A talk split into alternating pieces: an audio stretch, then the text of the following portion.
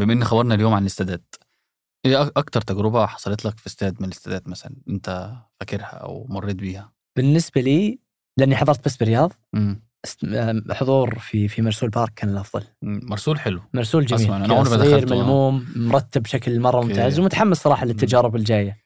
مرة دخلت آه، بالصدفة كده آه، دخلت استاد آه، الأولمبيكو اللي هو تبع روما نادي روما. في الوقت اللي كان محمد صلاح بيلعب في روما.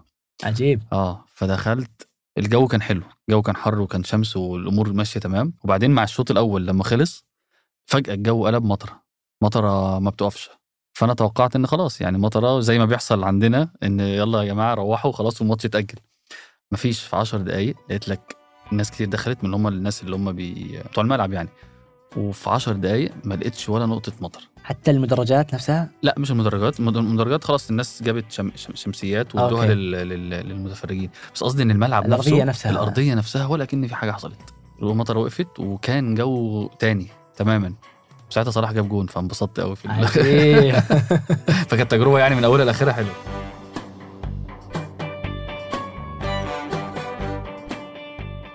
هذا بودكاست الفجر من ثمانية. بودكاست فجر كل يوم نسرد لكم فيه سياق الأخبار اللي تهمكم. معكم أنا ريان دعفس. وأنا شهاب سمير.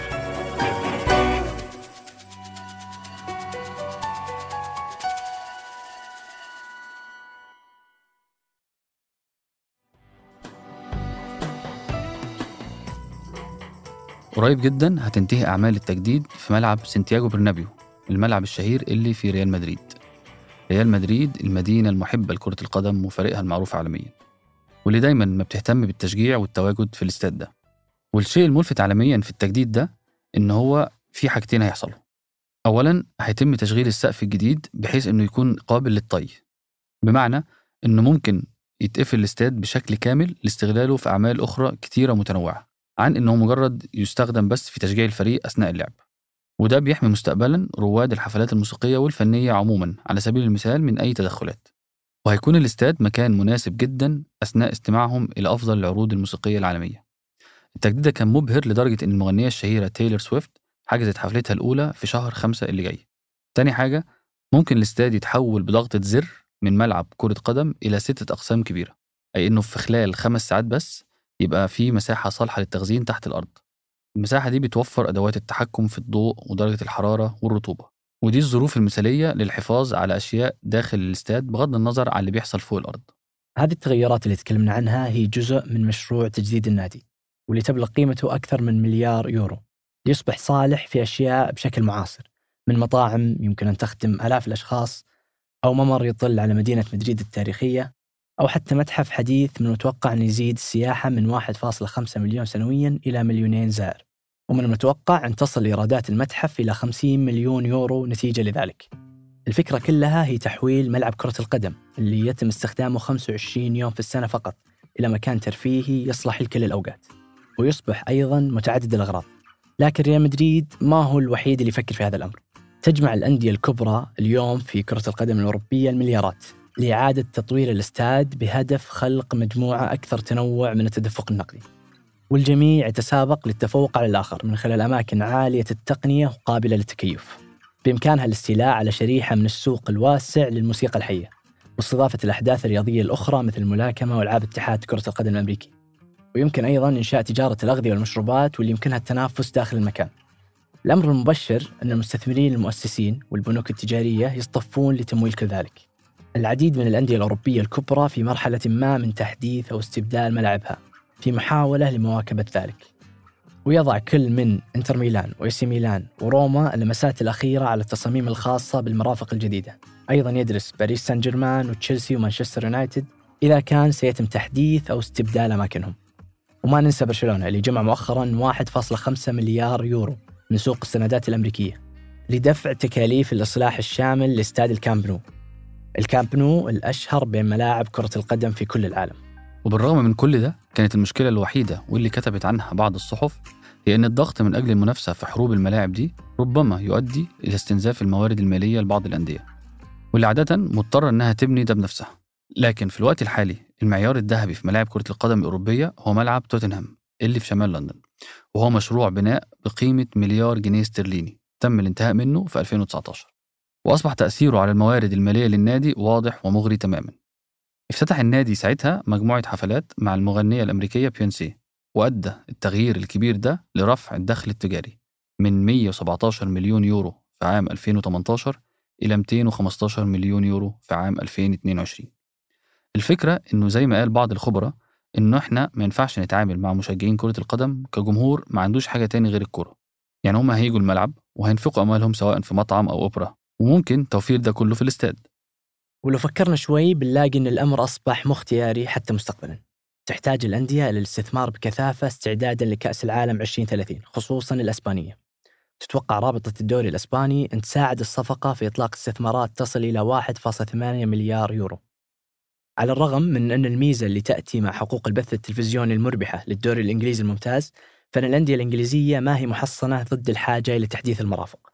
وما هي صدفة أن العديد من المشاريع الكبرى الجاري تنفيذها تجري في المراكز السياحية حيث تعد لندن وباريس وروما وميلانو وبرشلونة من بين المدن العشر الأكثر زيارة في أوروبا كما تأتي مدريد في المراكز ال 15 الأولى.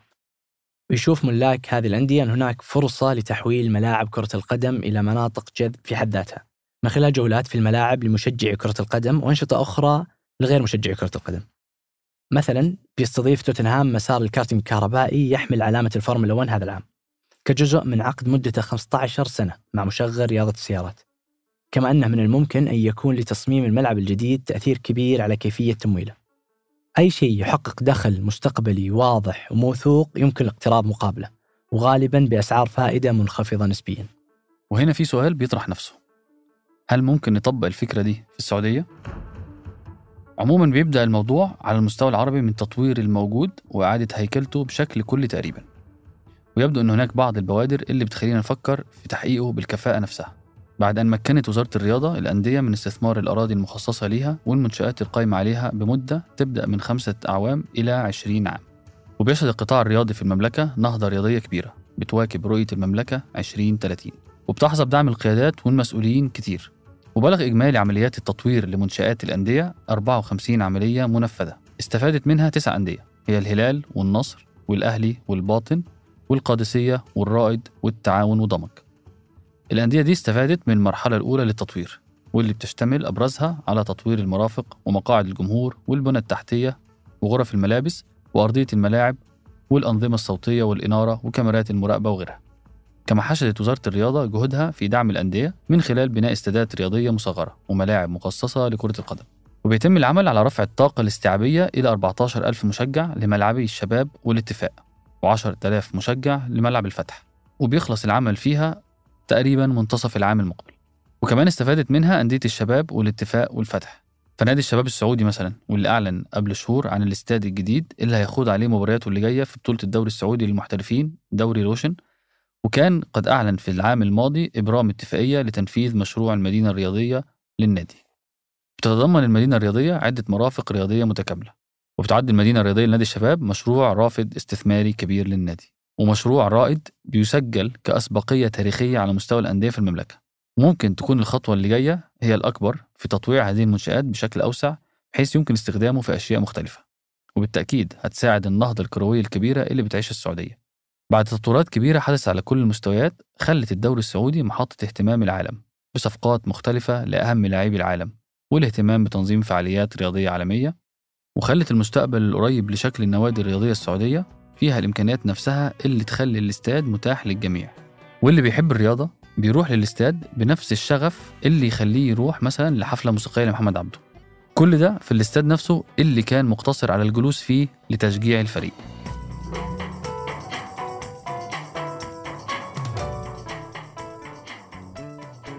إذا تعتقد أن بودكاست الفجر أفادك بمواكبة أخبار ومتغيرات العالم شاركه مع أهلك وأصدقائك وعلى مواقع التواصل وخلهم مطلعين معك.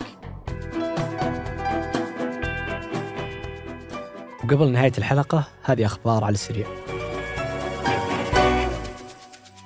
يتوقع الخبراء أن تحقق التجارة الإلكترونية في السعودية إيرادات تبلغ 260 مليار ريال بحلول 2025 على أثر نمو سنوي 15% بين 2020 و 2025 وبحسب تقرير قطاع الأعمال السعودي للربع الأخير من السنة الماضية اللي تصدر وزارة التجارة زادت السجلات القائمة للتجارة الإلكترونية 24% لتبلغ بذلك أكثر من 35 ألف سجل.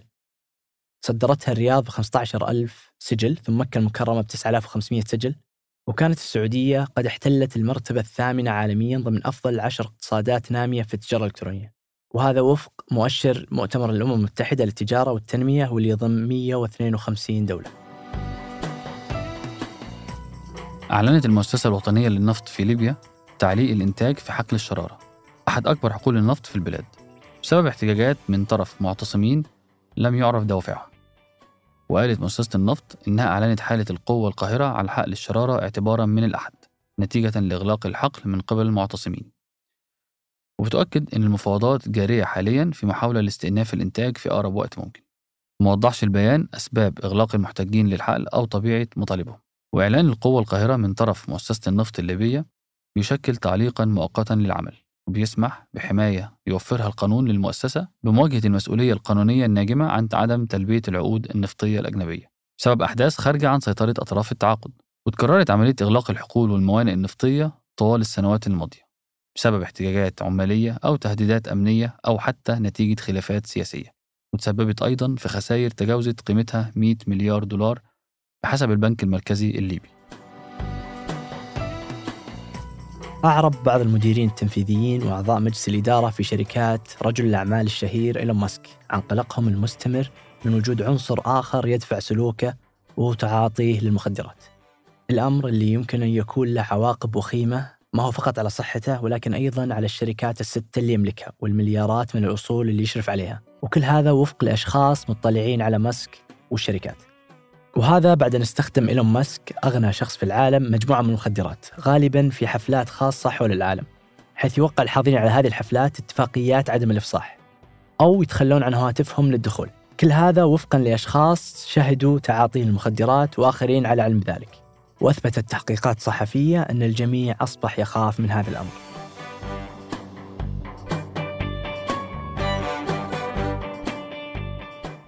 أنتج الحلقة دي حسام الخولي وقدمتها أنا شهاب سمير وأنا ريان دعفس. حررها تيسير أباني.